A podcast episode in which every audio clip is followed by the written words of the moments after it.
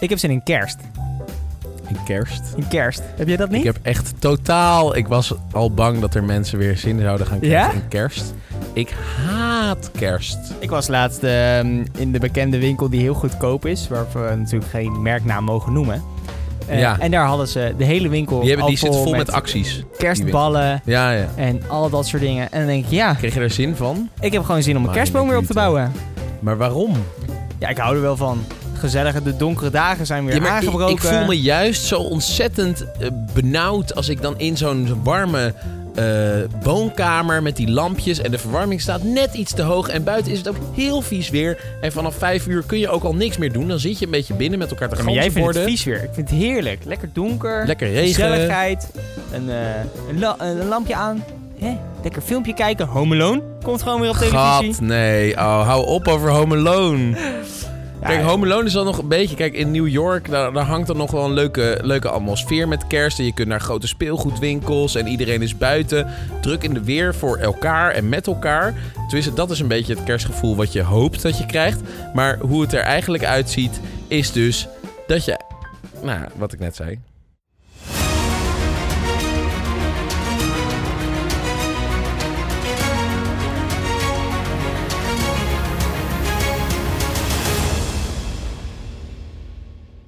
Maar, maar goed, ja, het- ja, iedereen houdt van eh, verschillende dingen. Maar het voordeel aan dat we naar de kerstperiode gaan, is dat er Allemaal kerstfilms. de blockbusters, die komen wel meestal Oh, rond die ja, periode daar heb ik wel hè? weer zin in. Ik kan me nog wel herinneren dat er op een gegeven moment die eh, films van eh, Hunger Games, daar hingen dan al in, nou, april of zo posters. En dan Ja. stond er november onder. En dan kon ik niet wachten. Ja. En nou ja, nu is het eindelijk Harry november. Potter ook altijd in november. Zo, ja. Kwam Harry Potter nou, ik zat er laatst aan te denken, e- één keer per jaar of één keer per twee jaar?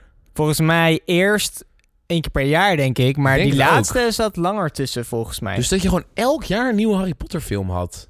Ja, aan het begin, ja, aan het begin denk ik wel. Want Oh, toen moesten ze ook snel maken. Omdat die kinderen natuurlijk ook heel snel ouder werden. Precies. Dus dan moest je wel. En Ja. aan het einde maakte het iets minder uit, denk ik. Ja, dat is waar. Maar die boeken die werden toch ook niet één keer per jaar? Ja, oké. nee, het eerste boek is volgens mij 1998 Nee, uit. die waren niet per jaar. Dus dat al wat langer Ja, maar tussen. 2007 is het laatste boek. Dus bijna elk jaar een boek. Weet zeker? Maar laten we niet te lang over Harry Potter hebben. Nee, want Harry Potter, daar, eh, dat is eh, verleden tijd. We hebben weer Ja, we een nieuwe podcast tijd eh, voor jullie opgenomen. Vanuit ons eh, mooie studio. Studio van Filmkast in Rotterdam.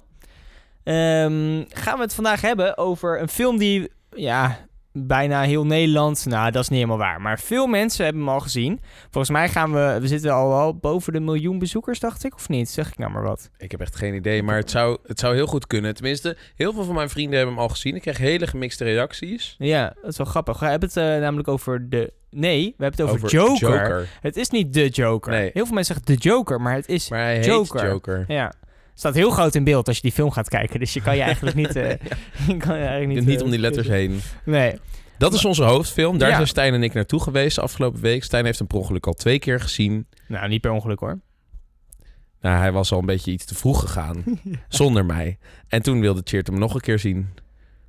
Nou, Dus nog de- een keer. Jij wilde hem gewoon zien. Ik wilde hem en zien. toen moest ik nog een keer. Maar dat vond ik niet Ten erg. opzichte van jou. Al moet ik wel... Ja, zo, sorry. Joker eh, passeert binnen twee weken half miljoen bezoekers. Ja, bizar. Dus dan zit hij nu al boven de miljoen.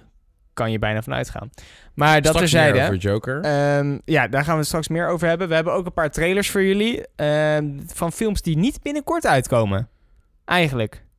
Eh, nou ja, Het duurt allemaal nog wel even. Nou ja, de, de film waar ik over ga praten komt over een maand uit. Ja, nou ja, oké. dat is redelijk binnenkort. En eh, de andere film, dat is eh, Star Wars. Die staat pas gepland voor december. 18 december. De kaartverkoop is net gestart. Heerlijk. Of Bijna 17 de langste december, dat zou ook kunnen. dag. Kortste dag van het jaar. Langste nacht. Heel slim. Net voor de kerstvakantie. Dus dat zal een eh, druk bezochte film gaan worden in de bioscopen op, dat, eh, op die data. Ja, en ik ga het hebben over The Irishman. En die komt misschien eigenlijk helemaal niet uit. Want die kunnen jullie binnenkort al eh, kijken op Netflix. Frank Sheeran. Is that right? Yeah, you said right. Uh, under the contract, management can only fire a driver on very specific charges. So, you ever show up late? No, Do you have any moving violations? no, Do you drink on the job? no. You ever hit anybody? On a job? Yeah.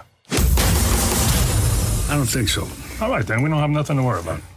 Op Netflix. Dit is een Netflix film. Het is eigenlijk een Netflix film. Maar het is wel leuk om in de bioscoop te zien, want het is wel een grootse film. Oké, dus hij draait wel eerst in de bioscoop. Hij, hij zou eventjes in de bioscoop gezien kunnen worden, maar eh, heel veel bioscopen gaan hem dus niet draaien. Heel veel bioscopen gaan hem niet draaien. Dat is ook lullig. Ja, Ja. ze denken, ja, Netflix film, laat die mensen lekker thuis blijven. Er was toen ook al het, ehm, het eh, gedoe met ehm, Roma. Roma was ook een Netflix film. Ah, ja. Ook in die bioscoop uitgebracht. Heeft uiteindelijk iets van vier Oscars Ja, gewonnen. bizar. Ik heb hem nog steeds niet gezien, juist omdat hij op Netflix te zien was.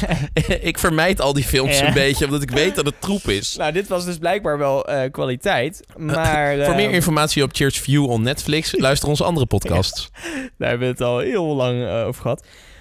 Maar ehm, ja, goed, dus dit is een beetje hetzelfde principe. Je hebt een Netflix-film en die wordt dan uitgebracht op Netflix, maar ook in de bioscoop. Maar Ja. heel veel bioscopen willen hem daarom niet draaien, omdat de tijd tussen het bioscoop-release en de release dat je hem zeg maar gewoon thuis kan kijken, of dat nou DVD is of online, is heel kort. Ja, het is maar twee weken bij deze film. Ja, dus dat, dat vinden veel bioscopen te kort. En daarom zeggen ze, nou, dan, dan gaan we hem helemaal niet draaien... om een soort statement te maken Ja. naar... Ja, maar kun je nagaan? Want vroeger, als ik naar eh, Finding Nemo ging of zo...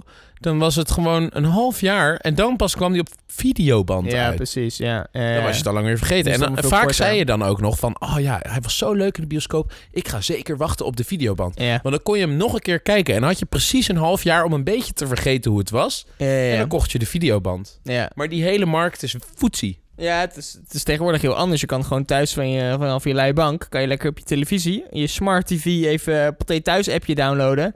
Kan je hem zo zien. En nu zelfs op Netflix. Gewoon gratis. En voor niks als je een abonnementje hebt. Ja, dan betaal je natuurlijk wel je abonnement. Maar veel mensen hebben dat ondertussen al. Ehm, maar aan de andere kant, kijk, je kan allemaal zeggen: boe, boe, slecht. eh, waarom gaat hij niet eerst in de bioscoop? Deze film is, ligt al jaren op de plank om gemaakt te worden.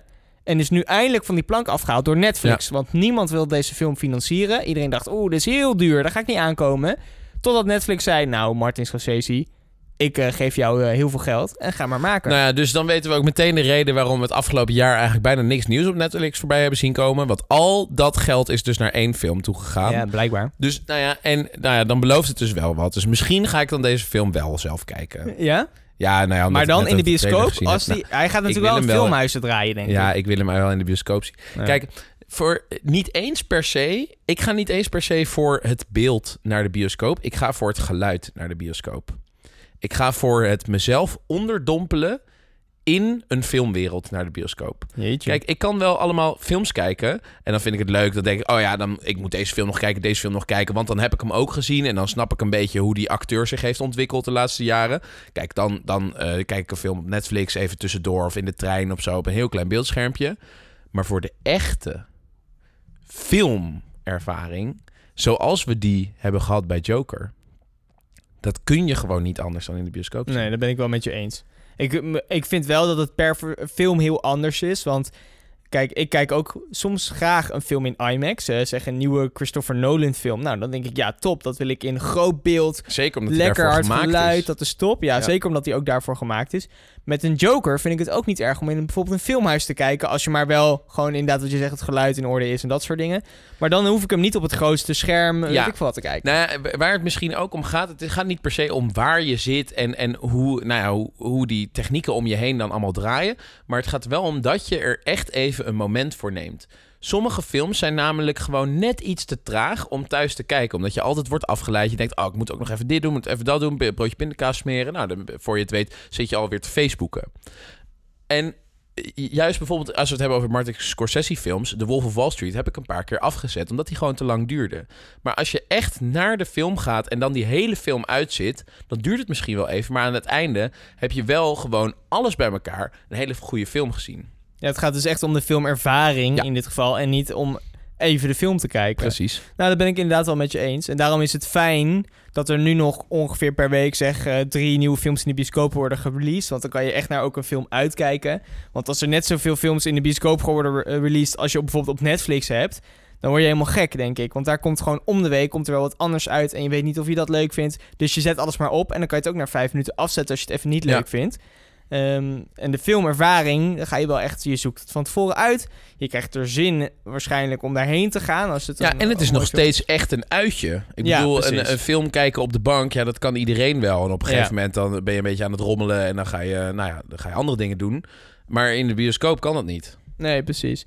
Hey, maar deze film, die, dat is dus een Netflix-film. Denk je dat dat ook invloed gaat hebben op de kwaliteit? Is die dan niet gemaakt voor het grote scherm? Of denk je dat het meevalt? Nee, ik denk juist dat, tenminste wat ik ervan zie en eh, ervaring met Martin Scorsese en zeker de acteurs die die ook gebruikt, het zijn juist allemaal acteurs die hebben heel veel ervaring al met de films die ze maken. Ja, dus eh, volgens mij Robert De Niro zit erin. Ja, Robert De Niro zit erin, El El- Pacino El, El, El, Capone zit Capone. zit erin. Eh nee, El Cappuccino. Zit erin.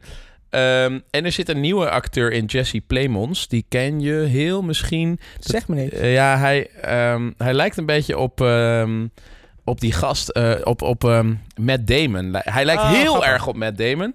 En eh, hij zat bijvoorbeeld in, ja, allemaal dingen die je eigenlijk niet... Oh ja, in Vice zat hij vorig jaar. Die heb ik wel gezien, ja.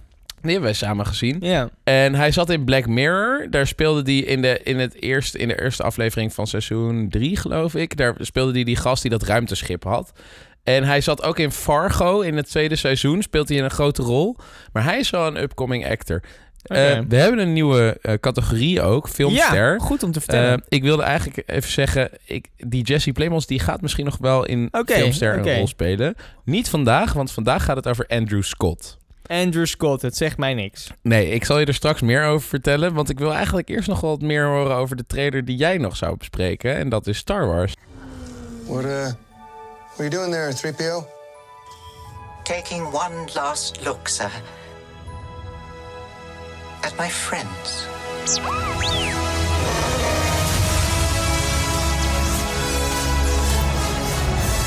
Confronting fear. Destiny of a Jedi.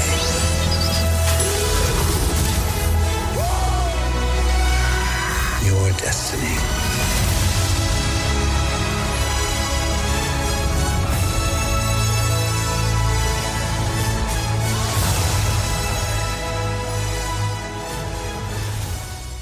Star Wars. Nou, Star Wars heeft ondertussen volgens mij al twee trailers gehad. Een nieuwe Star Wars. Kijk, dit, dit, deze Star Wars... Iedereen wordt een beetje gek als je zegt Star Wars. Want welke Star Wars is dit dan? Is dit een, een nieuwe trilogie? Is dit een nieuwe tussenfilm? Het, er Ik komen- hou, zelfs ik hou het al niet meer bij. Het is niet te doen. Maar goed, dus ehm, dit is nadat de nieuwe trilogie is in gang gezet. Dat was ja, deel en die 7, hè? begon met eh een New Hope. Nee, dat is helemaal niet waar. Nee, want een New Hope Deel is van 7 is vroeger. dat, ja, ja, ja. The Force Awakens. Juist. Dat is zeg maar Disney die heeft ehm Lucasfilms Voor overgenomen. hoeveel? 14 miljard? Ja, het ging nergens over. Maar goed, dat haal je er zo uit. Heel veel uit. geld. Ehm, en daarmee is eigenlijk het nieuwe hoofdstuk voor Star Wars dus ook begonnen. Dus we kregen een nieuwe eh, deel 7 en toen werd ook meteen aangekondigd... nou, dit wordt een trilogie, want al die Star Wars films daarvoor waren allemaal mooi in Nou, wat ik me kan herinneren is dat ze met een of andere eh, PowerPoint-sheet aankwamen met 100.000 filmtitels erop. ja, ja. Dit gaat komen, dit gaat komen. We gaan een Han Solo-film maken. We gaan Felicity Jones even goed in de spotlight Nou, zetten. dat hebben ze ook allemaal gedaan natuurlijk. Rogue One. Maar het was het idee dus dat er drie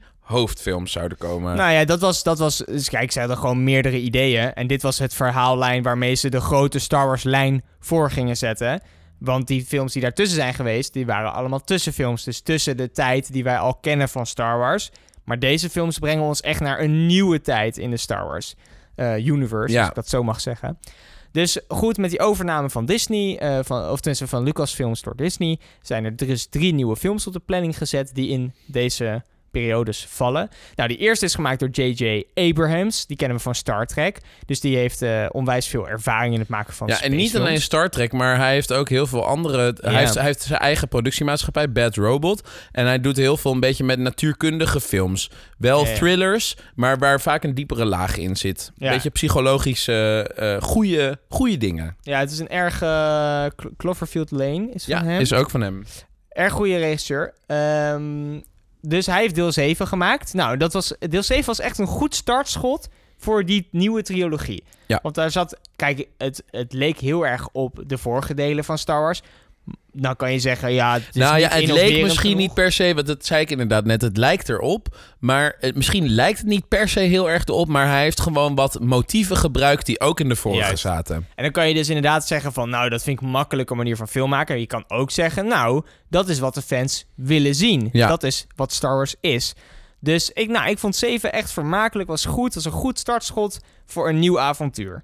Je had ook eh, verfrissende nieuwe, nieuwe acteurs, Daisy eh, Ridley. Goede acteurs ja, ook. dat was gewoon echt, eh, gewoon Die er top. echt, ik vond ze er echt in passen. Soms heb je bij zo'n reboot, en zeker bijvoorbeeld als je kan kijken naar die eh, Harry Potter reboot, dan vind ik eigenlijk dat sommige acteurs er net niet helemaal in passen. En dat is het gevaar met, met als je dat gaat doen. Dat je veel te fancy, echt Hollywood acteurs hebt. Maar dit zijn gewoon hele bescheiden Engelse acteurs. Die nog een echte, nou ja, een jonge Jedi kunnen spelen. Ja, het zijn, het zijn ook echt gewoon onbekende acteurs. En dat is natuurlijk wel leuk. Je had inderdaad die, eh, de- Daisy Ri- Ridley en John Boyega. Ja, Nou, dat zijn echt gewoon... Dat was die, eh die s- eh, s- eh, ja, skyscraper. die, nee? Stormtrooper. Stormtrooper. Dat zijn dus echt twee acteurs die nog niet zoveel op, op een, op een cv hadden staan, zeg maar. En die echt voor... Nou, dat is dus top. Je hebt echt een Zo, nieuw... En ze hebben mijn hart gestolen ook in één film. Ja, echt, echt heel goed gedaan. Dus dat is top. Je hebt een hele goede basis voor die trilogie met die deel 7, Ja. zeg maar. Dus mensen keken enorm uit naar een deel 8, want de Star Wars gaat Nee, weer met helemaal name leven. omdat er allemaal ehm, beginnen waren gemaakt aan allemaal bijzondere verhaallijnen. Juist. Precies, je hebt, de, je hebt een nieuwe schurk, zat erin. eh, een soort nieuwe Darth Vader, maar ook weer iemand daarboven. Zoals, eh, Ja. eh, nou ja, goed, die, die, die keizer die in, in de vorige delen zat. Heet Dus je- Smoke?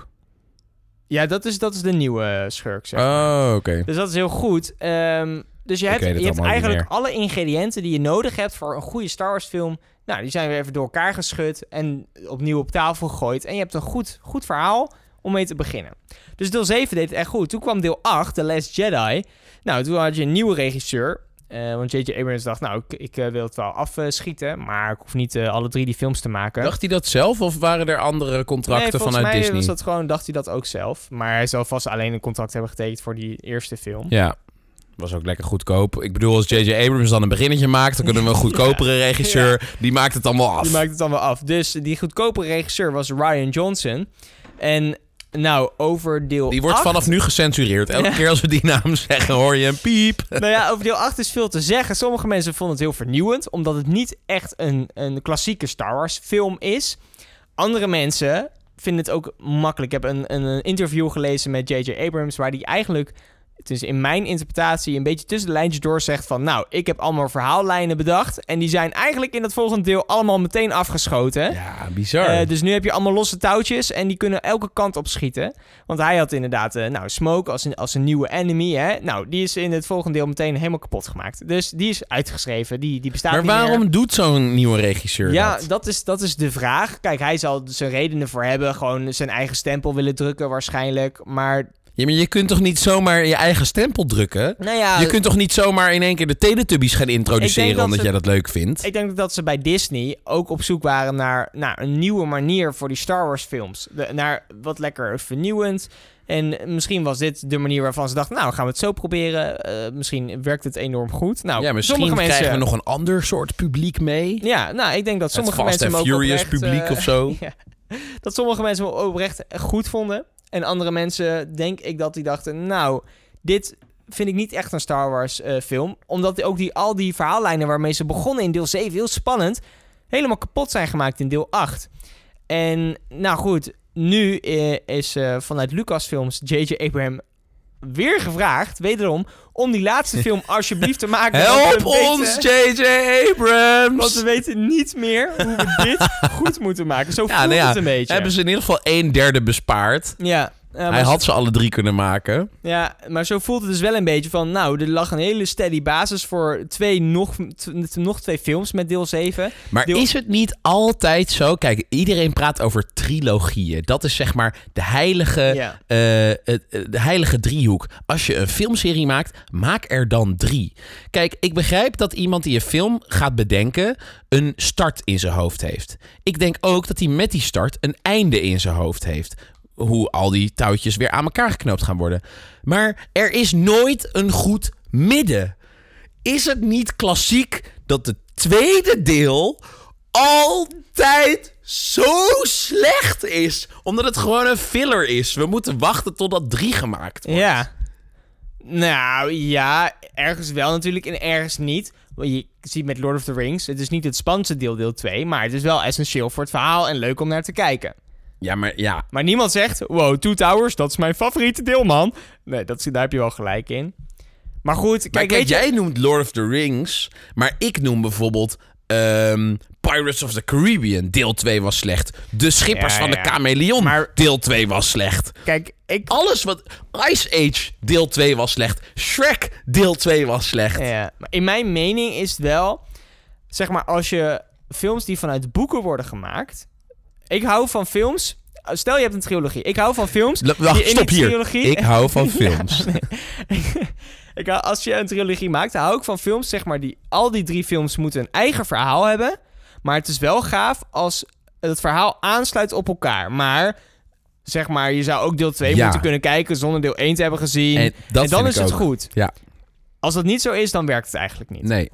Maar nee, want dan, dan heb je Fantastic Beasts, deel 2. Dat Ja, was precies. ook zo'n... Ja, dat dat is gewoon... we- je, het, het is een soort herfst. Ja. Je hebt een piek in de zomer, langs de dag. En de herfst is eigenlijk alleen maar... Neemt alleen maar af totdat we in december de piek hebben van de kortste dag. Het is gewoon een doorstroom. Ja. Nou, dat ben ik, dat ben ik ergens wel met je eens. Kan ik me wel vinden. Maar goed, dus bij Star Wars was het helaas, in mijn mening, wel waar. Maar goed, andere mensen hè, die vinden het misschien wel vernieuwend. Maar goed, dus nu is, ehm, ja, is Disney naar eh, J.J. Abrams gerend met... joh, kan jij dit nog fixen voor Ja, ons? maar hebben zij, weet je of zij hem echt gevraagd hebben? Ze hebben hem echt gevraagd, ja, ja, ja. En wat zei die toen? Nou, blijkbaar heeft hij ja gezegd. Nou, eh, ja, eh, dat weet ik niet hoor. Eh, Omdat hij dit... Maar goed, in dat interview zegt hij dus wel... Het is moeilijk als iemand een andere visie heeft met films Ja. maken dan jij. Ja. Want zijn visie is een beetje kapot gemaakt in dat deel 8. Ja. Zo voelt het een beetje. Maar voor alle Star Wars fans is het denk ik heel goed nieuws dat hij de serie wel gaat afmaken. Nou, dat want hij heeft ook. wel echt het, het Star Wars feelingje wat je moet hebben, is daar wel heel erg. Dus ik Ja, ben dus wel echt positief. Laten we gewoon deel gaat 2 helemaal vergeten. En we kunnen ons nu gewoon richten Ja. op een nieuwe Star Wars. Maar ja, het een soort is nieuw dus, hoop. je kan deel 2 wel vergeten, maar je gaat dus in deel 3 in zonder een echte schurk, zeg maar. Dat is heel lastig. Omdat die net gekild is in deel 2. Ja. Dus ze halen nu een oude schurk van de originele Star Wars films. Zou Darth Vader terugkomen? Nou, eh, waarom niet? Eh, je weet het niet. Die, die keizer... we we ben hebben helemaal geen eh, smoke. Nee, Pal Palpatine, Palpatine, Palpatine. Ah, dat weet ik niet, Uit de vorige Star Wars films, die is dus nu ook weer teruggehaald. Dat hoorde je in de trailer en in de nieuwe Oh. trailer zit het ook weer. Dus, nou goed, we gaan zien waar het heen gaat. Ik ben heel benieuwd, maar ik kijk er wel echt enorm naar uit. Want ik heb het gevoel dat dit wel weer een klassieke Star Wars film Maar wordt. betekent dit dus ook dat we na dit jaar weer helemaal Star Wars af zijn? Helaas niet. Dat Eh, we weer 40 jaar moeten Disney wachten op een Plus heeft aangekondigd dat er een Star Wars serie komt. No! Maar wel gemaakt- Gemaakt door John J.J. Abrams, Nee, oh. door John Favreau. Die we kennen van, eh, van, eh, van Iron Man Ah. en van The Lion King. Dus dat is wel heel Hij is positief. leuk. Er, zien, er staan, er staan al beelden chef online. kijken. Dat is Ja. echt een hele leuke film. Maar er staan dus al beelden online en die zien er oprecht echt wel leuk uit. Dus ehm, daar kan je ook naar uitkijken als je Star Wars fan bent, denk ik. Maar ik denk dat iedereen vooral even uitkijkt naar deze nieuwe film... met hoe deze het, eh, het, het, het, het jaar zal sluiten. Omdat die pas in december uitkomt. Ehm, maar goed, we Nou gaan ja, zien. maar we hebben voldoende films tussendoor. Zo is er bijvoorbeeld eh, richting het einde van november The Irishman. Ja? En daar heb ik een trailer van gezien. ja, daar hebben we het over gehad, Sjeerd. Heel goed. Oh. ik wilde er nog meer over Ja, vertellen. je mag er nog wat meer over vertellen. Maar je hebt al gezegd dat je die trailer hebt gezien. En we hebben ook al verteld dat hij op Netflix kwam. En eh, Ja, dat weet ik. ja, Ik dacht, ik doe even een intro dat ik nu mijn trailer ga bespreken. nou, vertel. Zijn we klaar met Star Wars? Of wilde je er nog een kwartier aan vastplakken? ik denk dat ze helemaal niet aan Joker Nou toekomen. ja, je hoort wel, ik ben niet een ultieme Star Wars fan, maar toch kijk ik maar wel toch uit naar kan ik de er een half uur over praten. Nou, lul jij even lekker verder over de Irishman. Nou, ik heb niet, gelukkig voor iedereen heb ik niet heel veel te vertellen over The Irishman. The Irishman is een nieuwe film van Martin Scorsese. In 2016 was eigenlijk zijn laatste grote film. Dat was Silence. Silence, die Ja, ken ik niet met eens. Andrew Garfield en die gozer eh, die Kylo Ren speelt. Ik ben even zijn Oh, naam ja, kwijt. interessant. Dat is niet John Boyega. Die naam Nee. komt in mijn hoofd op, maar Klopt. dat, die hoort niet. Ehm, dat, die was in 2016. In 2013 kwam een van de grootste films uit die zelfs de Martin Scorsese leek nog van gehoord heeft. Dat was The Wolf of Wall Street. Daarvoor heeft Martin Scorsese ook films gemaakt zoals The Departed en Goodfellas. En eigenlijk hebben al die films wat dingen met elkaar gemeen. Nou, niet per, per se al deze films die ik net opgenoemd heb, maar wel alle Martin Scorsese films. Het gaat of over Amerikaanse gangsters met een Italiaans accent. Of Leonardo DiCaprio speelt de hoofdrol. Ja, ja, ja, ja, ja, maar echt. Nou, en de nieuwe film zit Leonardo DiCaprio niet in. Yes! Dus daar kun je al van uitgaan wat voor soort film het wordt. Maar daar is hij goed in. Dus ja. Wat? Ja, nee, maar daar is daarom. hij goed in, Ja, maar eh, eh, volgens mij is Martin Scorsese... Ik heb het niet opgezocht, maar, of ooit misschien een keer. Maar volgens mij heeft hij ook Italiaanse roots. Want hij ziet er echt uit als een Italiaanse maffiabaas. klopt. Ehm, en ja, als je ergens goed in bent, waarom zou je niet nog een keer doen? Ehm, het is niet een oud verhaal. Het is niet iets wat hij al gedaan heeft. Het is een, eh, iets wat echt gebeurd is. Het gaat namelijk over ehm, een persoon die Jimmy Hoffa zou hebben vermoord. En Jimmy Hoffa, dat was een eh, soort partijleider van een soort vakbond voor werkende Amerikanen. En die is op een gegeven moment in 1975 of zo verdwenen. En toen als eh, nou ja, vermist opgegeven en waarschijnlijk... En toen, eh, nou, een jaartje later dachten ze... Nou, hij is waarschijnlijk dood, want we zien hem niet meer terug. Hij is echt nooit, nooit gevonden. Hij is nooit gevonden. Nee, nee hij is presumed dead. Ja, ja, nu nog steeds. Eh, nou goed, laten we er maar van uitgaan dat als hij eh 30 jaar geleden presumed dead was... dat hij dan nu wel, wel echt dead is. Anyway, eh, deze film gaat over een, eh, een gast die ehm, eh, zijn betrokkenheid bij het omleggen van die Jimmy Hoffa ehm, bespreekt. Eh, en ja, het is, weer, het is echt weer een beetje een klassieke gangsterfilm. De acteurs hebben we eigenlijk al benoemd. Joe Pesci zit er ook in. En waar ken jij Joe Pesci van, Stijn? Ja, dat is de vraag van vandaag. Nou, hij zat in ieder geval in Goodfellas. Ook dus een Ja, Martin ja, Scorsese ja, ja, ja. film. Maar die is uit 1990. En eh, daarna heeft hij wel wat dingetjes nog gedaan. Eh, zijn laatste film was in 2018. Maar dat is een beetje... Dat is een Google Assistant, zie ik nu. Dat is wel iets heel raars. Anyway, hij heeft, hij heeft sindsdien niet zo heel veel meer gedaan. Hij was met pensioen. Hij is 50 keer gevraagd door Martin Scorsese. Weet je, voor deze film. Voor deze film. En uiteindelijk is hij uit zijn luie eh, schommelstoel op zijn veranda gekomen en heeft gezegd: Potverdikkie, ik zal eens even laten zien hoe je een echte gangster speelt. Dus daarom zit deze man. maar waarom wilden ze hem dan zo graag hebben? Geen idee. Wat is er zo bijzonder aan deze vent? Ik heb geen idee. Ik kan hem ook niet herinneren uit die film. Grappig. Blijkbaar is hij wel goed in wat hij doet. Hij is heel goed in wat hij doet. Ehm, nou, al met al hebben ze je standaard Amerikaanse gangsterfilm met een nieuwe eh, acteur. Dat is die. eh, eh, Echt goed Jesse voorbereid, Plemons. Ik wil even zeggen, even tussendoor. Nou, hallo, ik heb al best wel veel verteld hierover. goed voorbereid bent. Nou, wat ik ervan vond, als je de trailer kijkt, je wordt er totaal niet wijs van wat er nou eigenlijk, wa- waar die hele film over gaat. Ja. Die film duurt volgens mij 2,5 uur. Ik heb daar dus even een scheidhekel aan en dat soort dingen. Nee. Net zoals, wacht even. Net zoals die trailer van die Once Upon a Time in Hollywood. Ja. Iedereen, nee, maar dit wordt de beste film ooit. Want hij is van deze regisseur en die kent iedereen. Dus wat maakt niet uit wat de Ja. trailer. De trailer was geniaal. Maar die trailer was gewoon kut. Er werd Die- niks meer verteld. in die je snapte er trailer, geen die reet trailer, als je van. die trailer keek van Once Upon a Time in Hollywood, dan dacht je dat het een hele andere film Ja. zou worden. En net zoals met dit, zegt iedereen van... Oh, nou, de trailer, ja, ja fantastisch, geniaal. Maar eigenlijk als je... eh, Italiaanse Amerikanen, schieten, ja. vechten. Maar als je al die mensen niet zou kennen die hem hebben gemaakt of die erin spelen, dan denk je, wat de fuck, waar kijk ik naar? Deze Geen film hoef ik idee. niet te zien. Nee, En dus je moet een beetje af van het imago van als er een naam op staat, wow, dat is super cool. ja. Er zijn er wel 3.500 reviews uitgebracht, want ergens heeft hij waarschijnlijk op een of ander op filmfestival filmfestival. gedraaid. Eh, hij heeft wel een 8,6. En eh, dat is best hoog. Ja. En wat ik nog meer wil zeggen, weet ik niet meer. Oh ja, nee, weet ik wel. Ik zei net 2,5 uur. Raad eens hoe lang deze film gaat duren. 3,5 uur. Ja! Heel Yes. veel plezier. Drie punt- Ja, drieënhalf, ik denk maar dat, dat dit dus wel een standaard Netflix film dat wordt. Dan de kun je hem nieuwe- over een week eh, uitspreiden.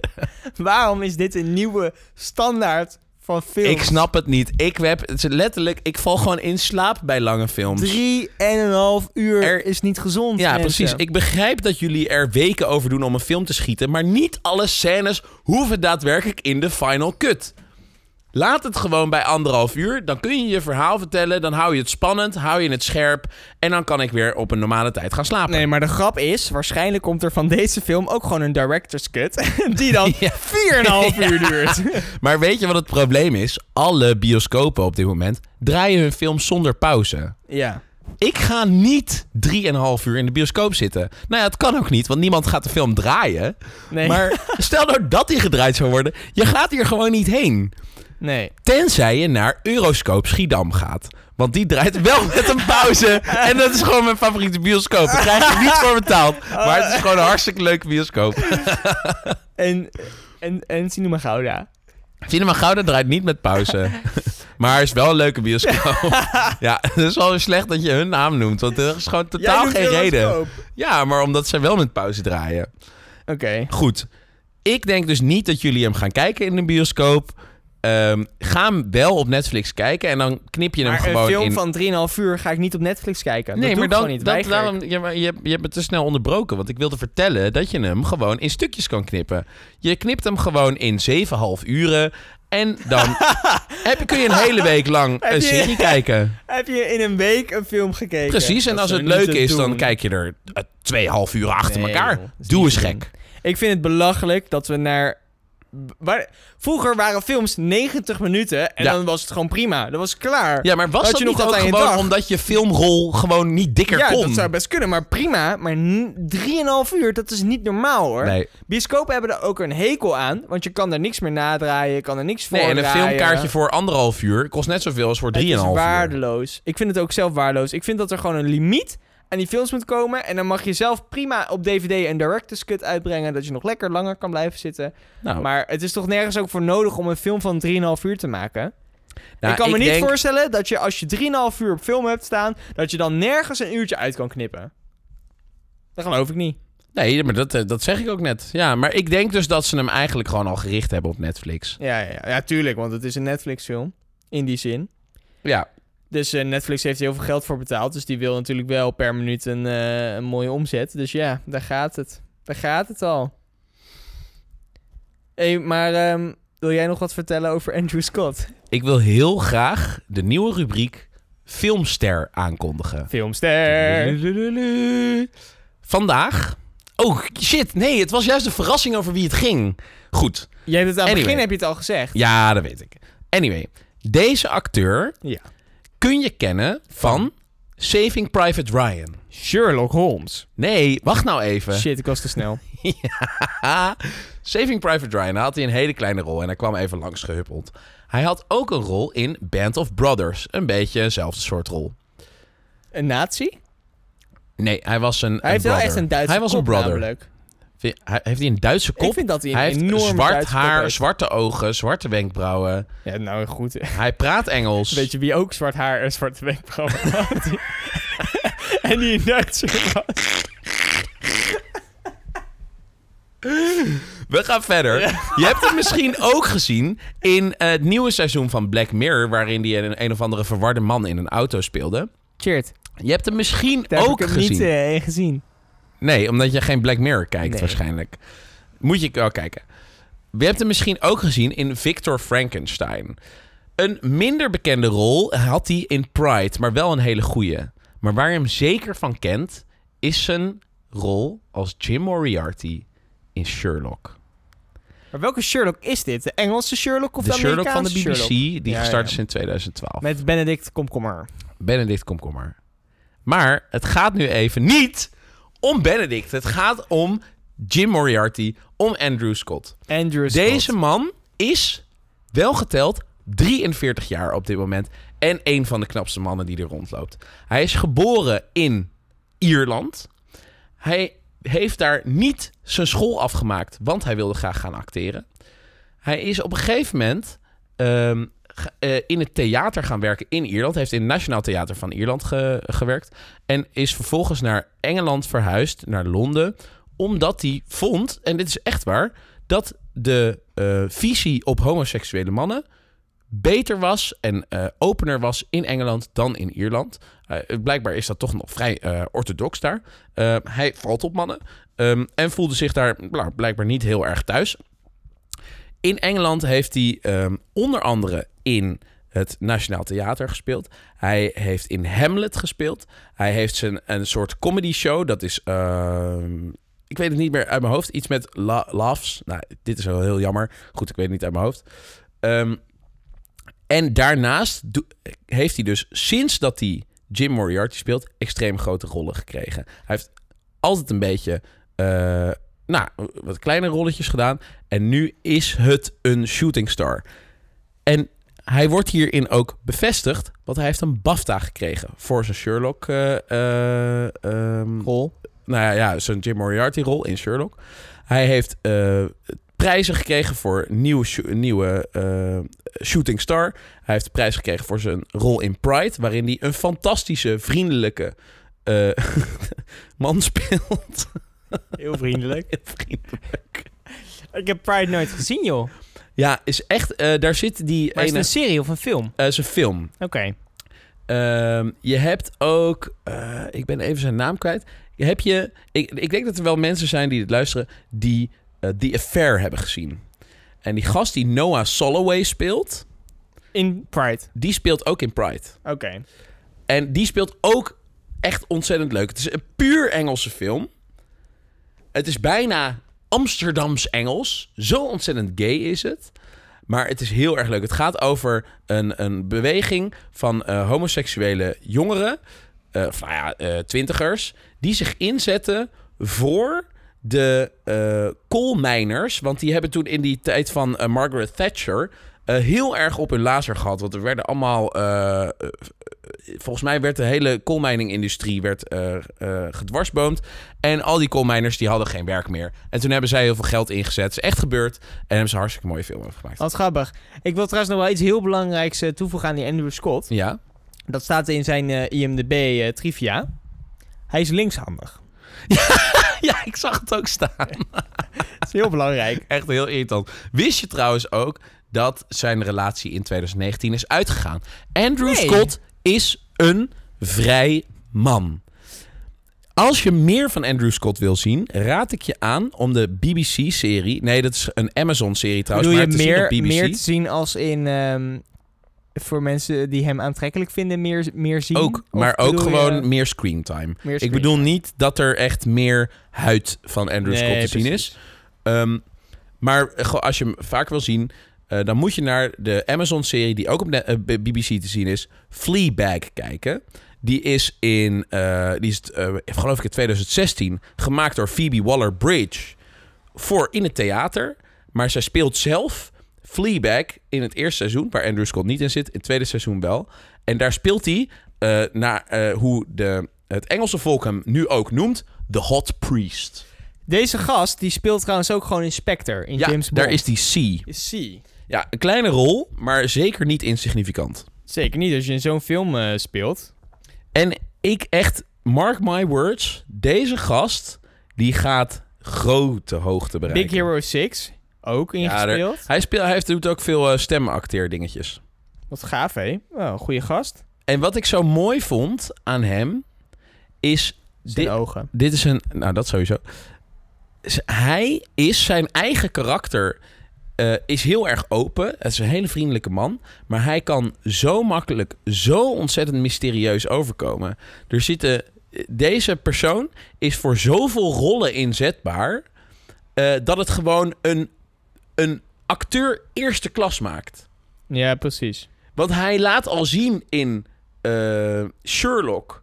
dat hij een ontzettende bad guy kan zijn. Ja, ja.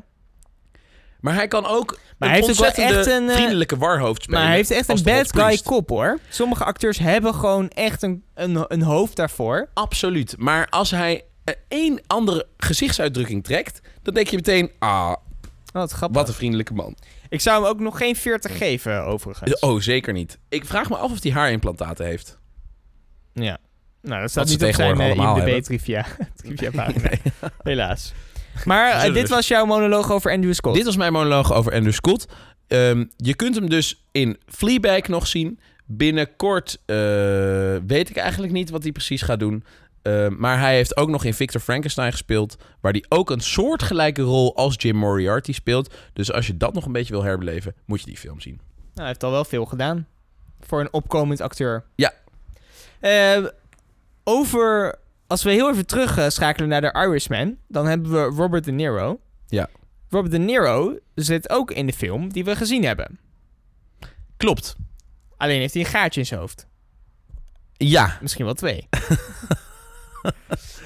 maar dat zijn spoilers. Dus vanaf nu gaan we een spoiler, spoiler Vanaf in. één minuut geleden gaan we spoileren. Het is een eh, warning. Nee, maar we, we hoeven, we hoeven nog verder niet te spoileren. Nou, we kunnen ja, eerst gewoon een stuk over Maar ik de ga film ervan vertellen. uit dat mensen die dit luisteren de film al wel hebben gezien. Ik denk het niet. Nee? Ik denk een van onze twee grote fans heeft hem volgens mij nog niet gezien. Een van de twee luisteraars die nu nog luistert. Ik denk dat ehm, onze vriend Mees hem al wel gezien heeft. Oké, Mees, wat vond jij ervan? Oh, Nou, dat vonden wij ook. dit is in te vullen Klik voor- op het kruisje. Ja. maar, de Joker, ja, goed. Wij hebben, ik heb hem dus twee keer gezien. Chert heeft hem één keer gezien. Voor de mensen die echt geen idee eh, eh, hebben waar dit over gaat. De Joker kennen we natuurlijk uit de Batman-serie. DC Comics, hè? superleuk. Bad guy in The Dark Knight van DC, film.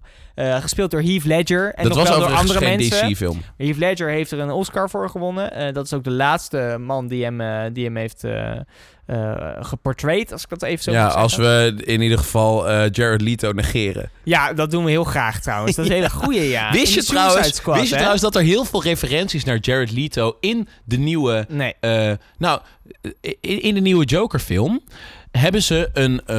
een eh, garbage strike. Overal Ja. staan hopen met vuilnis. Dat zijn allemaal referenties Ja, die rol. Jared rol als de Joker. maar dan echt. Nou ja, goed, je kan zeggen wat je ervan vindt. Maar we doen gewoon alsof die hele film nooit is gemaakt. Dus, Heath Ledger, Welke Oscar film? gewonnen. Fantastisch acteur. Eh, enorm goed. Echt gevierd man. Alleen is Ja. hij helaas overleden nadat hij die rol heeft eh, gedaan. Ja, niet voordat hij die rol deed. Maar wel echt een dag voor de première of zo. Dus het is Minder niet. Wow. Maar, eh, en nu is hij eindelijk opnieuw, ehm, eh, opnieuw gem- gemaakt, op het witte doek gezet. Alleen op een totaal andere manier. Want de mensen die denken dat ze naar een superheldenfilm gaan, die komen van een koude kermis thuis. En ook als ze denken dat ze naar een super schurkenfilm gaan. Ook als ze naar een superschurk... Ja, het is, het is echt een drama. Het is gewoon een dramafilm. Ja, maar ik zou het dus. ik- denk dat mensen heel vaak het idee hebben van een drama dat het tergend is en dat het Ja, ja, sneu langzaam. is en dat het duister is. En eh, op zich is het wel. Nou, vooral dat het saai is. Ja, ja. Want ondanks dat hier een hele duistere ondertoon in zit, het gaat over Gotham City, waarin iedereen eigenlijk ontevreden is, Ja. hebben ze eh, qua cinematografie, dus dat is eigenlijk de, de plaatjes die je ziet, die, die zitten zo goed in elkaar en er zit zoveel kleur in. En Ja. juist het, het afsteken tegen dat, dat, die duistere achtergrond, waardoor deze film, eh, nou ja, bijna als een komedie gezien kan worden. En er zit ook lekker een, een tempootje in deze film. Het is niet allemaal heel langzaam. Je hoeft niet heel lang na te denken over iets wat er gebeurt. Ik moet wel zeggen, toen ik de eerste keer had gezien... Het is me wel even bijgebleven. Het was zo, zo, ik moest er wel even over nadenken na de tijd. Meestal heb ik met films Ja. dat ik ze heel snel gewoon aan de kant schrijf. Nou, dat was vermakelijk, top, op naar de volgende. Maar nee, dit was echt wel even... Ik moest er even over nadenken van... Oké, wat heb ik nou gezien? Klopt het een beetje? En wat bedoelen ze nou precies? Ja, ik denk ook dat dat. Ik had precies hetzelfde. En eh, tenminste, hoe ik dat verklaar, is omdat het bij mij wel een persoonlijke snaar geraakt heeft. Want je merkt heel erg dat deze man op zoek is. Ja, hij, hij is een beetje geschift. Hij heeft niet echt de beste genen gekregen van zijn ouders. Zijn ouders zijn ook een beetje raar. Nou, dat Eh, weet je niet. Nou, dat weet Oké, Want dat weten we weet niet. niet wie zijn Nee. ouders zijn. Nee, maar hij heeft in ieder geval. ehm, het, het is niet eh, de beste kaas van de plank. En hij probeert. eh, hij heeft blijkbaar niet echt een hele wilde puberteit gehad. Eh, die, die is hij nu een beetje aan het herbeleven in zijn 40er jaren eigenlijk. Hij zoekt heel erg naar zijn karakter. En ik, ik herken dat op zich wel. Eh, die, hij, hij heeft op een gegeven moment heeft hij een beeld van wat hij graag wil zijn. Of de dingen die hij graag wil doen, de dingen die hij graag wil zeggen, de impact die hij wil maken op de mensen. Ja, ja. En ehm, je ziet hem moeite doen om die persoon te zijn die hij wil zijn. En op een gegeven moment dan is hij dat een heel klein beetje. En wat zo perfect is, is dat hij dan ook weer soms terugvalt in de oude persoon die hij was. En dat is zo literair dat je een karakter zo ziet ontwikkelen en eh, moeite doen om er daadwerkelijk iets van te maken. Wat dus bij mij, eh, nou ja, wat ik dus heel erg herkende, ondanks dat het, dat het een, een, een geschifte man is. Ja. Ja, kijk, het, het, het eigenlijk het moeilijke aan deze film is dat je je wilt inleven in een persoon, maar het niet zo goed kan. Want uiteindelijk komt ook gewoon... eh, kijk, hij heeft echt last van eh, PTSD.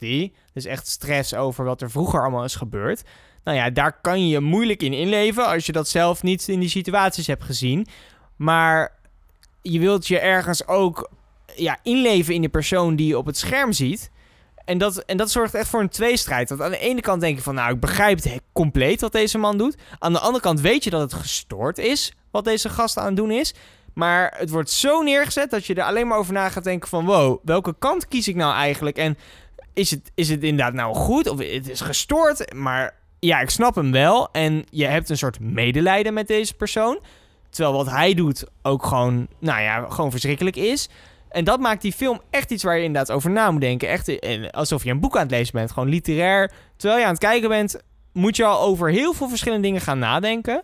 En ook aan het einde ben je eigenlijk nooit uitgedacht. Want deze film die geeft geen antwoorden. Maar die geeft meer vragen. Want ze, ze gaan niet voor jou invullen. Nou, zo hebben wij bedoeld. En zo is het neergezet. Het is niet van A tot Z. Het is echt iets waarvan je denkt: oké, wat is mijn eigen invulling aan dit verhaal? En dat vind ik heel sterk. Ja, en precies deze dingen die je zegt, zijn de, de dingen die deze film afzetten tegen eh, je standaard superheldenfilm. En dat zijn eigenlijk twee, twee zaken. Eén is, een standaard film is heel vaak, we hebben goed en we hebben slecht. En het slechte wil slechte dingen. eh, eh, onrust zaaien in de wereld. eh, mensen doodmaken. Mensen verdrietig maken. En het goede wil al het goede. Wil samenhang en vrolijkheid. En blije mensen. En zo zit het leven officieel helemaal niet in elkaar. De, dus mensen die slecht zijn in onze ogen, die hebben daar hun eigen motieven voor. En die proberen voor zichzelf of voor hun eigen soort mensen het leven aangenamer te maken. En bij heel veel films tegenwoordig, wat me zo tegen de borst stoot, is dat er gewoon schurken zijn en die moeten uit de weg geruimd worden. En aan het einde van de film gebeurt dat ook. En hier is dat niet zo, omdat er geen schurk is. Deze man doet ten opzichte van normale mensen misschien slechte dingen. Maar wat je zegt, je begrijpt heel erg waar het vandaan komt. En het is een soort escalatieproces. In eerste Ja. instantie eh, zou die liefst eh, een keertje iemand willen slaan. Maar op een gegeven moment gaat hij daarin verder. Ja. En dan merkt hij dus, en dat is eh, denk ik ook heel waarheidsgetrouw, dat het de trekker overhalen je veel macht geeft. En hij, je merkt dat deze man niet zoveel macht heeft over zichzelf. Ja, precies. Hij, hij is teleurgesteld in wat hij zelf is. En juist doordat hij een pistool heeft en doordat hij bijvoorbeeld weg is gekomen met bepaalde eh, criminele activiteiten, zorgt dat ervoor dat hij een gevoel van macht krijgt. Ja, wat ik heel sterk vind in die film zegt hij op een gegeven moment ook van... Nou, vroeger werd ik nooit gezien en ik dacht dat ik niet bestond. Maar mensen die beginnen mij nu op te merken en beginnen nu eh, te zien wat ik aan het doen ben. Ja. En je merkt echt dat dat wat met hem doet. En of dat dan slecht of goed is, in zijn ogen maakt het niet heel veel uit. Want hij wordt gezien, hè? hij bestaat opeens. En daar gaat hij mee door, want ook... Zeg maar op het allerlaatste moment, dan is iedereen eh, eh, voor hem aan het klappen en zien ze hem als held. Maar tot op dat punt heeft hij het nooit zo gewild. Het is niet zijn intentie van, nou, ik wil de held zijn voor heel veel mensen. Hij leeft zo erg in zijn eigen wereld en wil heel erg zijn eigen onrecht, wil die proberen goed te maken ergens in een zin. En het werkt zo van moment op moment. Inderdaad, wat je zegt, soms valt hij terug en soms gaat hij heel goed en eh, b- ja, maakt hij stappen. En dan valt hij weer terug. En dat is heel sterk, omdat hij ook merkt dat er in zichzelf ontwikkeling zit. Maar die ontwikkeling die wordt wel aangewakkerd door bepaalde gebeurtenissen. Ja. Wat ik ook nog heel sterk vond, is, dat is eigenlijk het tweede punt wat je zei, je hebt het eigenlijk al gezegd, is eh, veel films eh, hebben een kweestenmotief. En dat, dat, dat is een quest in het Engels. Ja, ja, ja. Dus eh, aan het begin van de film komen we erachter dat we aan het einde van de film iets moeten doen. Een heilige graal vinden of eh, een bad guy vermoorden.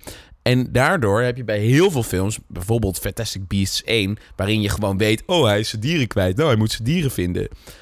Dat is in deze film niet. Het is gewoon een hapje uit het leven van een persoon. ja. En we kijken wel hoe het loopt. En ergens denkt de regisseur gewoon, nou, Nu is het even mooi geweest. Nu stoppen we de film. Waardoor, ik weet niet hoe lang die duurde. Ik denk wel ruim twee uur. Oké, ja. Dat voelt... Omdat je niet weet waar het heen gaat... heb je ook nergens een soort interne Ja. klok die zegt van... oh, nou, we zijn nu denk ik op de helft. Eh, Oeh, we waren er bijna, maar net niet helemaal, weet je wel. Eh, een beetje het kinderfilmmotief van... van oh, pak nou gewoon dat ding, maak het nou af en klaar is Ja, kennis. ja. En veel mensen die vragen ook af van, joh, komt er een vervolg? Komt er een deel 2? Nou, van mij hoeft het niet eens. Nee. Want je hebt een hele mooie standalone film. Ja. Heel sterk verhaal. Het, het, kijk, je kan best nog een, een Joker film maken in een ander universe, prima. Maar dit geeft echt weer van hoe iemand zo kan worden. Terwijl in de vorige Batman films was er gewoon een, een geschrift persoon... waar niet verklaard werd waarom iemand zo gestoord is geworden. Want daar was hij Eh, onbekend. dat- en... Op zich, Bane hebben ze wel vrij goed uitgelegd. Bane wel, maar de Joker in de vorige films was allemaal onbekend. Of Vrij, ja. dat niemand wist of het nou in Suicide Squad was of in Dark Knight. Daar was hij de slechterik die verslagen moest worden. En dat was gewoon een gek persoon. Ja. Maar hier laten ze echt de ontwikkeling zien van hoe iemand op dat punt kan komen. En dat vond ik heel sterk. En dat ze dan toch het aandurven om een referentie naar Batman te doen. Dat vind ik heel stoer. Ja. Want je kan, daar kan je heel veel fans een beetje mee. Ja, van wow, waar gaat dit nou weer heen? En dat ze dat toch aandurven, in, in, dat vind ik heel sterk. Ik denk ook wel dat ze wisten wat voor soort publiek ze gingen trekken. Ze Nou, dat wisten dat, ze dus. Batman publiek gingen trekken. Ja, maar ik denk dus dat heel veel mensen die denken... ik ga naar de Joker-film... die denken van... wow, dit wordt inderdaad een, een, een superschurk-film. Zeg maar van... wow, ik ga niet naar een superheldenfilm kijken... maar echt wel lekker actie en eh, dat... Maar nee, het is helemaal geen actie, vette, coole film. Het is echt een verhaal waar je helemaal in moet rollen. Dus ik denk dat er heel veel mensen met een verkeerd idee... naar die film gaan. En of ze dan het beter vinden of slechter vinden... of prima vinden, dat weet ik niet. Maar ik denk niet dat per se mensen weten waar ze heen gaan. Ik denk echt dat mensen met een andere gedachte die film Ja. ingaan. Ik ben bang eigenlijk dat er te weinig mensen die waarvoor deze film bedoeld is, naar deze film toe zijn gegaan. Maar waarvoor is deze film bedoeld? Nou, ik vind dit dus, ik vind deze film in het klassement La La Land passen. Het is zo'n kunstfilm, een, een, een literair spektakel. En je hoeft niks van Batman gezien te hebben Nee, om alles ervan te begrijpen. Ja. Nou, je hoeft, je hoeft heel Batman niet te kennen. Want er Nee. zitten eh, wa- wa- heel weinig referenties Ja. in naar Batman. En die zijn totaal niet van belang eigenlijk. Precies. Ja, ja eigenlijk is het dus ik, ik persoonlijk een hele sterke film. Hij wordt ook heel, heel, heel, heel sterk vertolkt door die Joaquin eh, Phoenix. Ja. Eh, het zit echt heel sterk in elkaar. Die, die Joaquin is het echt ook ja, een beetje Wakin, gekkie. volgens mij noem je zijn. je Oh, echt? Hoe? Ja, Wakin Phoenix. Oké. Nou, hij ge- echt ook een beetje gekkie. Maar dat past dus wel bij hem.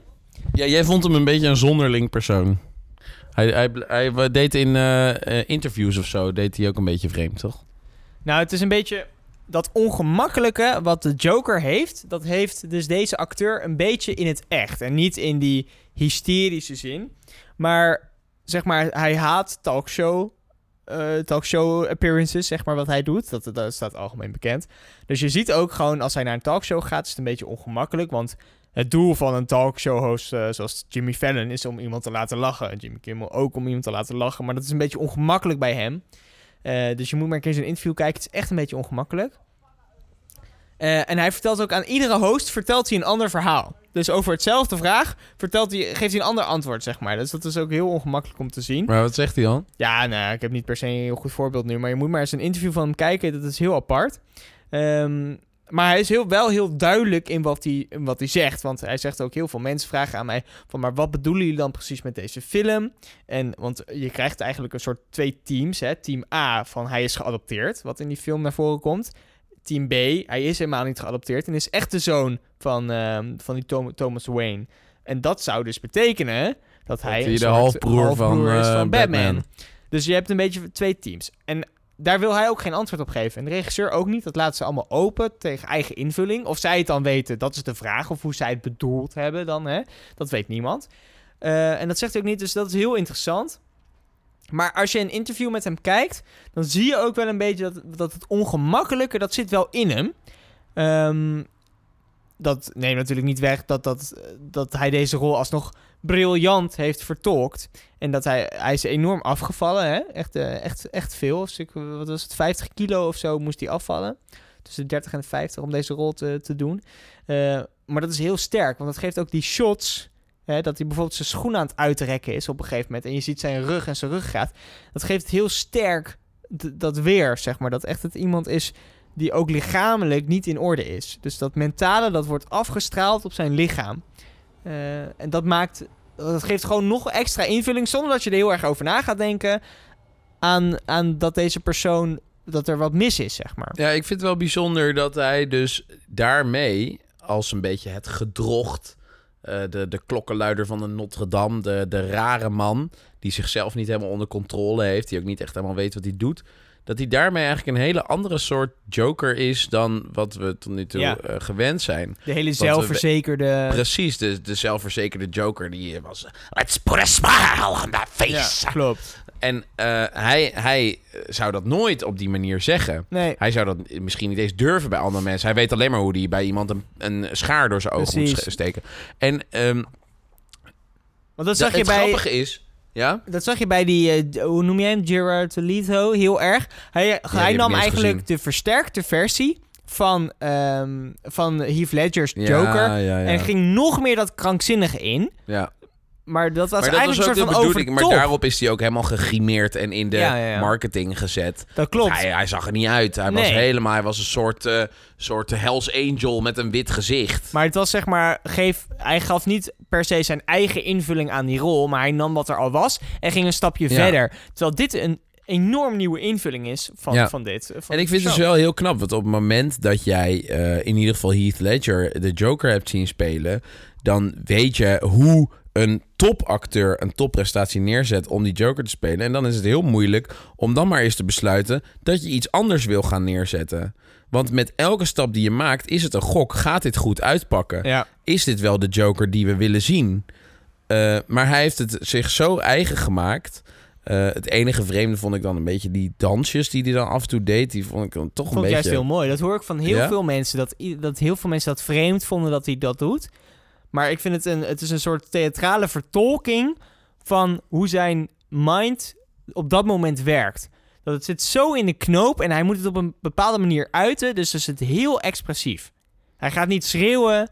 Hij gaat niet eh, huilen. Nee, hij, hij toont het op een hele expressieve manier. En dat vind ik eigenlijk nog een diepere laag in die film. Vind ik heel sterk dat hij dat zo doet. Ja, ik zag het meer een beetje alsof hij even, even nog iets geks moest doen. En daarom dat maar. Dat hij dat inderdaad een, een, een weirdo is. En dat hij dan maar een heel raar dansje nee, ik gaat vond het doen. heel sterk, want dat dansje dat komt ook, komt ook vaker terug in die Ja. film. Het is niet dat hij maar één keer dansje doet en waarom Nee. hij nu dansje? Nee, je ziet het echt vaker terugkomen. Dat vind ik ook vind ik gewoon heel sterk, want dat, het, zeg maar, al die kleine dingetjes laten gewoon zien wat voor een persoon het in totaal is. Hè? Hij heeft lichamelijk iets, hij toont dingen op een bepaalde manier. Hij wil een soort van macht afstralen met dat pistool, want dan is hij op een gegeven moment ook een soort dans aan doen met dat, met dat pistool. Hij haalt zich dingen in zijn hoofd met dat meisje. Dat vond ik ook heel sterk. Ja. Ehm, en dat, laat, dat geeft heel allemaal invulling. Geeft allemaal hints naar wat voor een persoon het is. En aan het einde komt het allemaal samen. En loopt het eigenlijk compleet uit de hand. Ja, nee, daar heb je wel gelijk in. Het is in ieder geval een uniek persoon. Hij heeft er echt zijn hele eigen draai aangegeven. Eh, en daarom is hij zeker te prijzen. Ik weet niet of deze opgestuurd wordt voor de Oscars. Misschien 100%. voor. Ja? Hij gaat hem sowieso winnen. Ja, denk je? Ja, 100% gaat hij deze Oscar Wel winnen. bijzonder, want het is niet echt per se een rol waarvoor je een Oscar zou... Nee, maar Oscars krijgen. is de laatste tijd ook wel moeilijk hè, met het afgelopen jaar. Maar dit, als je dit dan ziet en alle lof die hij hierover krijgt, Ja. dan ik zou mijn geld op inzetten dat hij hem gaat winnen. ja, ik heb dus ook gehoord dat eh, Leonardo DiCaprio voor de tweede keer wordt ingezonden. Voor welke film? Ja, heb ik even vergeten. Ja, nee, ik denk dat... De, ik denk Nee, voor dat Once Upon a. Time. Ja, precies. Ja, dat vind ik Hij wordt als logisch. eh, leading actor en eh, Brad Pitt als eh, supporting actor. Nou, ik denk dat zij hem allebei niet gaan winnen. Ik denk dat dit, dit, is, dit is een typische Oscar-film. Hè, het is het, op het randje van, van een soort arthouse film, Ja. maar toch een blockbuster. Ja. Kijken onwijs veel mensen naar. Is ook commercieel, is het heel verstandig. Dus dit is echt typisch een film Ja. die hier een Oscar Ik moet zeggen, toen ik thuis kwam ook, en toen zei ik het ook tegen jou, ik was eigenlijk bang dat we dit soort films niet meer zouden Ja. maken. Precies, En toch is het gelukt. We Ja. hebben er toch nog één. ja. Ja, ik vind het inderdaad heel gaaf. Ik vind het ook totaal niet vervelend om naar een Batman superheldenfilm te kijken. Maar dit is gewoon zo'n andere film.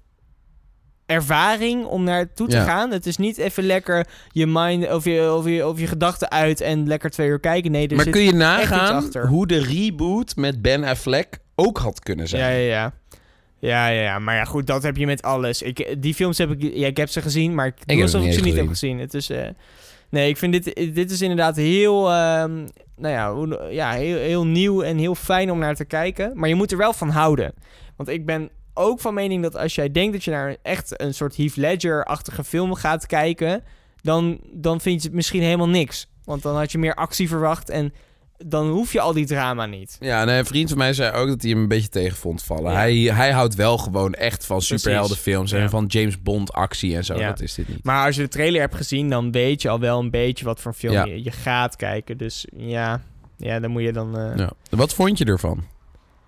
ik vond hem echt goed. Het is een van de... eh, Maar kijk, weet je wat het, het, het grappige is? Dat ik met best wel veel films heb, als ik die heb gezien... Bijvoorbeeld zeggen Avengers Endgame, dat was dan ook wel een goede film. Maar die dacht oh, die wil ik echt nog wel een tweede keer zien. Maar nadat ik deze film had gezien, dacht ik niet meteen... oh, deze wil ik nog wel een tweede keer zien. En hier moest ik echt even over nadenken en moest ik even laten rusten. En omdat die best wel heftig was. Maar ook omdat er zoveel gebeurde dat ik dacht... nou, ik weet niet of ik dit nog wel een keer allemaal wil zien. Nou, ik had dus, ik heb tegen iemand gezegd de dag erna, ik, ik had zo'n erg de, ik had het idee dat ik een band had gekregen met deze persoon. Ja, en ik zei tegen iemand, ik wil die film eigenlijk nog een keer zien. Ja. Ik wil nog een keer terug naar de nieuwe vriend die ik gemaakt heb. Ja, ja, ja. Nou ja, kijk, ik heb hem dan wel voor de tweede keer gekeken. Vond ik heel fijn, want dan... Ja, je ziet toch weer wat andere dingen. Ehm, ik zou hem niet per se een, een, een derde keer op korte termijn willen zien. Maar ik vond de film wel echt heel erg goed. Dus het is een soort... Het is een soort twee dingen, zeg maar. Dit is echt typisch zo'n film die je kijkt en dan kom je thuis... Wow, wat een fantastische film. Ik hoef hem niet per se nog een keer te zien... maar je weet wel dat je naar een hele goede film hebt gekeken. Ja. Ehm, dit is ook niet echt een film die je thuis even aanzet... om luchtig even een avondje te kijken. Ja, ik weet het zo net nog niet. Nee? Ik denk dat ik ook, stel nou dat erg. ik iemand uitnodig en ik zeg, nou, we gaan een goede film kijken. Dan is er een aantal films die ik Ja, op ja. zou zetten. La La Land is er één. Ja. Eh, en ik denk dat dit misschien wel een goede twee wordt. Grappig, ja. Want d- dit heeft ook niet per se een happy end of zo. Het is, het is best wel een, donkere film. Ja. Maar de beste films, ik vind, ik vind de beste films die, Nou dat, ja, die La La vaak Land is geen niet happy donker. end. Nee, maar die heeft geen happy end. Nee, dat, dat klopt. Maar het is alsnog... Nou ja, Ze hadden het hem een heeft happy geen end happy geven. end. Je kan het in meerdere manieren... Het heeft niet de happiest end. Maar het heeft nog steeds een redelijke happy end. Nou ja, maar ze, ze wilden het echt zo laten lijken. Ze, bij La La Land hebben ze die flashback toen gedaan... toen Ja, hij dat nummer speelde... alsof alles in één keer goed was gekomen. Eh, eh, eigenlijk op de manier zoals je het had verwacht. Dat die Ja. man en die vrouw samen waren gekomen. En toen toch, op het allerlaatste moment... pats, realiteit. Ja. Het is niet zo. Ja, dat klopt ook wel. Maar, Maar goed, La La als Land ik gaan we deze film eh, ergens in de filmkast zou moeten zetten... dan zou ik hem zeker, nou ja, zeker op plank 8... Ja. misschien zelfs op plank 9 zetten. Ja, ja ik, heb, ik zou hem inderdaad gebaseerd... Ik vond het verhaal heel goed dat het niet een A tot Z einde was. Ja. Ik vond het heel goed dat we zijn karakter hebben doorgemaakt. Dat we echt snapten waarom hij bepaalde dingen doet. Ik Ja. vond de cinematografie ontzettend sterk. Het was heel kleurrijk, ook al was het zo'n Ja, duistere, droevige eens. film. Ja. Ehm, eh, daarmee excelleert hij zeker. Ja, acteren ook enorm goed. Precies. Muziek ook trouwens heel goed. Die cello die de hele tijd er doorheen Ja. dreunt. Heel goed gedaan. Ja, en ze hebben ontzettend goed gebruik gemaakt van liedjes. Op een gegeven moment komt hij drie studenten tegen en eentje begint Sand in the Clowns te zingen. Ja, ja. En, en dat nummer zelf vind ik heel irritant, omdat ik het niet snap. Waarom zou je zingen over clowns? Ja. En nu paste het zo goed. En ook dan als de endcredits rollen, dan weer dat nummer. Eh, er, er zat gewoon, het was af. Ja. Het was die end en je snapte het. Nu mag ik naar huis en ik ga nog een dag nagenieten van deze film. Ja, ja, ja. Hij excelleert. Hij is ontzettend goed. Ik denk dat er betere films bestaan. Ik had gehoopt dat er ergens nog... Nou, misschien niet gehoopt, maar het was leuk geweest... als er ergens nog een, een extra diepe laag in zat. Extra veel ehm, symboliek. Een beetje Stanley Kubrick-achtige symboliek. Een extra twist. Die heb ik niet gezien. Daarmee geef ik hem ook zeker een 8. Ik zet hem wel op 9. Zo. Nou, Dus dan dan- zet ik hem op 8. Dan komt hij op... Ja. Komt hij op 9? Zet jij hem... Ik denk dat we... We hebben maar- het hier over gehad, Ja, Stijn. klopt. Ik denk dat er maar weinig films zijn die nog beter gaan zijn dan wat we hebben gezien. Ja, omdat Stanley Kubrick dood is. Nee, maar er zijn... Kijk, als je alle boxjes gaat, kru- gaat kruisen... Wat jij opnoemde. Muziek is goed. Verhaal is echt goed. Het acteerwerk echt heel goed. Er zijn maar weinig films die hier nog, nog een stapje boven kunnen gaan doen. Dus kijk, die 10 die zullen we misschien nooit aantikken. Maar goed, dan, dan, dan staat hij dus hier op een 8,5. Nou, dan vind ik dat hij verheven mag worden naar de 9. Want zo goed was hij. Dat verdient hij. Oké. Vind ik. Nou, akkoord. Akkoord. Wie weet... Ja, we, we spreken elkaar weer ja. binnenkort. Misschien, dat Misschien we hebben we dan een nog betere film gezien. Of dat we er even over nadenken dat hij dan nog omlaag zakt. Maar op dit moment ben ik wel zo lyrisch daarover dat ik hem zeker... Ik zou hem zelf op een 8,5 hebben, maar dan toch liever een 9 Ja, dan een 8. We hebben maar 10 planken. Ja. Nou ja, goed, dus dan, dan komt hij toch echt op plank 9 te staan. Ja. Eén boven, Eh The Favorite. de favorite. Die staat nog steeds Lonely op 8. Eh, dan was dit het ook voor deze week. We zijn lang genoeg bezig geweest. Ehm, volgende week, nee, zijn we er niet. We hebben ook een, soort, een, een nieuw soort conceptje bedacht hè, voor deze, voor deze Wij gaan... eh, het idee is dat we één keer per maand een, fi- een filmkast uitbrengen. Op Ja, de joh. eerste van de maand. Daar kun je een hele maand van genieten. Zeker van deze extra lange aflevering. Ja. En dan zijn we 1 december weer bij jullie terug. ja, dus gewoon één keer per maand. Dat is fantastisch. Dan hoeven wij ons ook niet kapot te stressen. We hoeven ook niet te zeggen, hier zijn we weer. Gewoon lekker één keer per maand. Ik vond het heel leuk om eh, met jou deze film te kijken. Om deze filmkast te maken. Vond ik ook. Eh, het is nog steeds donker buiten. Ik kijk nog steeds uit naar kerst. Ik kijk uit naar de zomer. Oké, maar goed, met kerst krijgen we Star Wars. Ik zeg maar even. Nee? Geen Nee. reactie. Goed, bedankt eh, voor het luisteren alweer. Dit was alweer episode 7. We gaan hard. Ehm, bijna het nieuwe jaar in. We zijn vlak... We zijn, eh, wat, we zijn december 2018 zijn we begonnen volgens mij. Ja, we zijn bijna een jaar bezig. Dus we zijn bijna een jaar bezig. Nou, we persen nog even twee afleveringen uit voor ons jubileum. Eh, er komt geen special aan, waarschijnlijk. Maar toch zijn we er blij mee. Eh, we hopen dat jullie het leuk hebben gevonden om hier naar te luisteren. Eh, laat even weten wat je ervan vindt. Moet het langer, korter? Waarschijnlijk korter, niet langer. maar we vinden het Stuur al je fanmail dit keer naar Stijn. alle fanmail Want eh, ik kreeg de deur, voordeur niet meer open. naar Jert of naar Stijn. Bedankt voor het luisteren. Tot ziens en tot volgende week. Dag.